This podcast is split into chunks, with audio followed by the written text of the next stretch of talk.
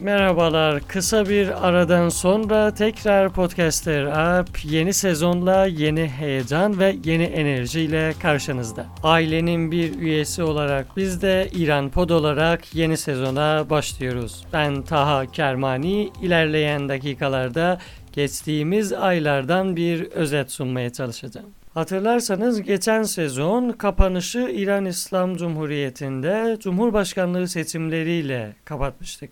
O dönemde İbrahim Reisi İran İslam Cumhuriyeti'nin 13. Cumhurbaşkanlığı seçilmeyi başarmıştı. Devrim lideri Ali Hamenei'nin deyimiyle genç ve devrimci bir kabine bizi bekliyordu. Öyle de oldu. Meclis hızlı bir şekilde reisinin kabinesine güven oyu verdi ve reisi kendini Cumhurbaşkanlığı koltuğunda buldu.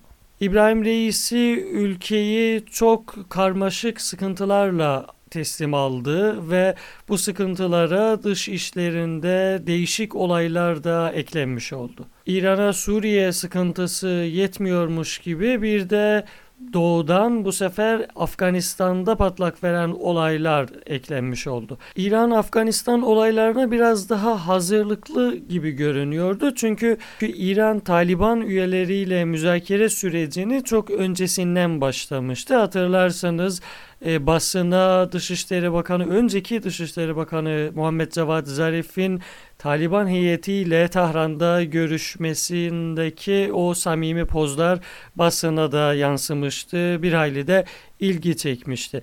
Ancak işler e, tamamen Tahran'ın beklediği gibi veya umduğu gibi e, gitmedi. Afganistan'da olaylar çok farklı noktaya gelmiş oldu. Özellikle Pakistan'ın etkisinin artmasıyla birlikte İran'ın Taliban'la ilişkisi biraz sarsıntılı devam etti. Önce İran'ı e, çok ciddi bir düzensiz göç sarsmaya başladı ama İran nispeten burada e, rahattı çünkü ülkeye giren e, düzensiz göçmenler Türkiye yolunu buluyorlardı. Adeta İran'da e, bu durumdan hoşnuttu. Çünkü e, özellikle Türkiye'ye giren düzensiz göçmenlerin İran tarafından denetlenmeden adeta e, Türkiye yolu gösterildiği iddiaları da ortaya konuldu. Bu iddiaları destekleyen birçok kanıt olduğu da basına yansıdı. Örneğin İran ve Türkiye sınır hattında İranlı yetkililerin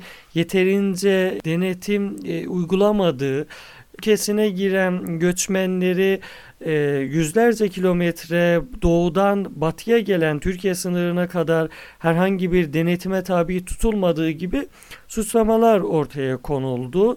Ancak e, İran e, yeni Afganistan'da meseleleri sadece göçmenlerle sınırlı kalmadı. Özellikle Pençşir'de başlayan bir direniş İran'da çok farklı e, seslerin de duyulmasına sebep oldu. İran'da her şey Taliban'ın varlığıyla kabul edilmiş gözükse de Pençşir olayları durumu biraz daha e, değiştirmiş oldu. Özellikle Afganistan'ın e, simge isimlerinden Ahmet Şah Mesud'un ailesinin uzun yıllarca İran'da ikamet etmesi İran kamuoyunun e, Afganistan direnişi ve Pençşir direnişiyle tanık olduğunu da sağlamıştı. Ahmet Şah Mesud'un oğlu Ahmet Mesud Pençşir Aslanı lakabını taşımaya çalışıyordu. Çalışıyordu diyorum çünkü ciddi ciddi bir İran tarafında bir e, destek vardı. Bu destek daha çok Fars milliyetçileri mehfillerinden gelmeye başladı.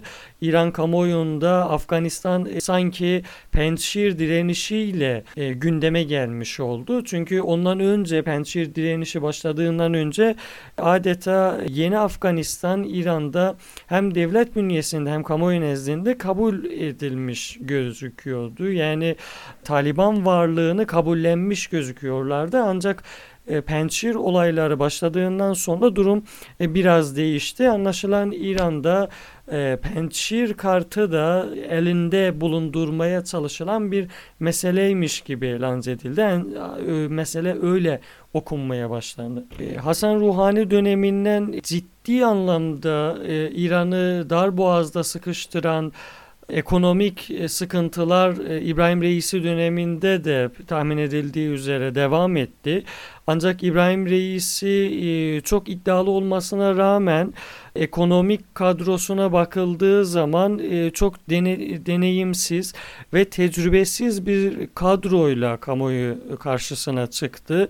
Henüz İbrahim Reis'inin performansını görmeye çok zaman var. Daha olay yeni, yeni göreve başladı. Ancak e, şimdi kamuoyuna baktığımızda, İran piyasalarına baktığımızda İbrahim Reis'inin gelmesinden olumlu etkilenmediğini görüyoruz. Enflasyon olduğu gibi e, yükselmeye devam ediyor. İran'da hayat pahalılığı halkı iyicene sıkıştırmış, memnuniyetsizliği artırmış gözüküyor. Bu e, ilerleyen süreçte İran'da toplumsal hareketlere de geçmişte olduğu gibi e, sebep olabilecek gözüküyor. Yorumcular İran'ı ilerleyen süreçte bu anlamda çok daha hareketli olabileceğini tahmin ediyorlar. Görüşler bu yönde. İran'ın dört bir tarafında işçi harekatı, grevler, e, maaşını alamayan memurlar veya aldıkları ücretten memnun olmayanların itirazlarını görüyoruz bugünlerde. İran'ın e, dört tarafında devam eden bu eylemler ancak şimdilik sükunetle devam ediyor. İtirazlar birbirinden ayrı, kontrol edilebilir bir düzeyde. Dolayısıyla e, yönetim de e, sert tepki vermeyerek tolere gösteriyor. E, son yıllarda aslında İran'da bu tarz e, çok büyümeyen, çok büyüyemeyen kontrol edebilecek eylemlere bir hoşgörü e, söz konusu. Yönetim e, bunlarla ilgili biraz daha tahammüllü davranıyor. Biraz da dış işleriyle devam edelim. İran'ı e, özellikle Türkiye kamuoyunda son zamanlarda gündeme taşıyan olayların biri de İran ve Azerbaycan arasındaki tırmanan gerilimdir. Hatırlatmakta fayda var. İran 44 günlük Karabağ Savaşı'nda Ermenistan'dan yana tavır sergilemişti. Ancak e, savaşın e, ikinci haftasından bilhassa sonra e, Azerbaycan'ın keskin e, zaferinden sonra İran söylemsel olarak biraz daha Ermenistan'a verdiği desteği perdelemeye çalıştı diyelim biraz daha e, orta e, at düzeyde açıklamalara çaba gösterdi ancak Ermenistan'a vermiş olduğu somut destekler kamuoyunu ikna etmediğine sebep oldu. İran Türkleri 44 e, günlük e, Karabağ Savaşı'nda e, en az iki defa sokaklara gelip Azerbaycan'a destek verdiler. Bu destek Tahran tarafından cevapsız kalmadı. Onlarca İranlı Türk aktivisti gözaltına alındı ve bunlar e, yargıya taşındı. Anlaşılan İran bu süreçte İran Türklerine baskılarını geçmişte olduğu gibi devam etmekle kararlı ve bu ilerleyen süreçte de olduğu gibi devam et. Ancak geçtiğimiz günlerde İran ve Azerbaycan arasındaki gerilimin konusu biraz daha farklı. Azerbaycan Cumhurbaşkanı İlham Aliyev İran'ın Ermenistan'a e, devam eden yardımlarından e, hoşnutsuzluğunu dile getirirken İran İslam Cumhuriyeti'nden gelen tırların Azerbaycan topraklarına izinsiz girdiğini de söyledi. İran tarafı önce bu meseleye sessiz kaldı. Daha sonra böyle bir şeyin olduğunu inkar etti. Ancak nihayet e, birkaç gün arayla İran İslam Cumhuriyeti'nin Azerbaycan'daki büyükelçisi böyle bir şeyin olduğuna itiraf ederek İranlı şirketleri uyardığını söyledi. İran ve Azerbaycan arasındaki gerilim bununla sınırlı kalmadı. İran ve Azerbaycan gerilimi asıl tatbikatlar üzerinden devam etti. Şöyle ki İran Azerbaycan, Türkiye ve Pakistan'ın ortak tatbikatından rahatsız olduğunu dile getirdi. Buna karşı İran'da bir e, tatbikat başladı sınırda, Azerbaycan sınırında.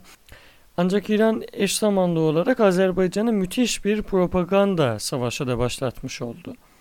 İki esas argüman kullanmaya çalıştı. İran İslam Cumhuriyeti'nin devrim lideri Ayetullah Ali Hamenei geçmişte olduğu gibi yine de Türkiye'yi kastederek bölge ülkelerinin Karabağ e, dışarıdan savaşçı getirdiğini, terörist getirdiğini iddia etti. Bu iddiayı tekrarlamış oldu.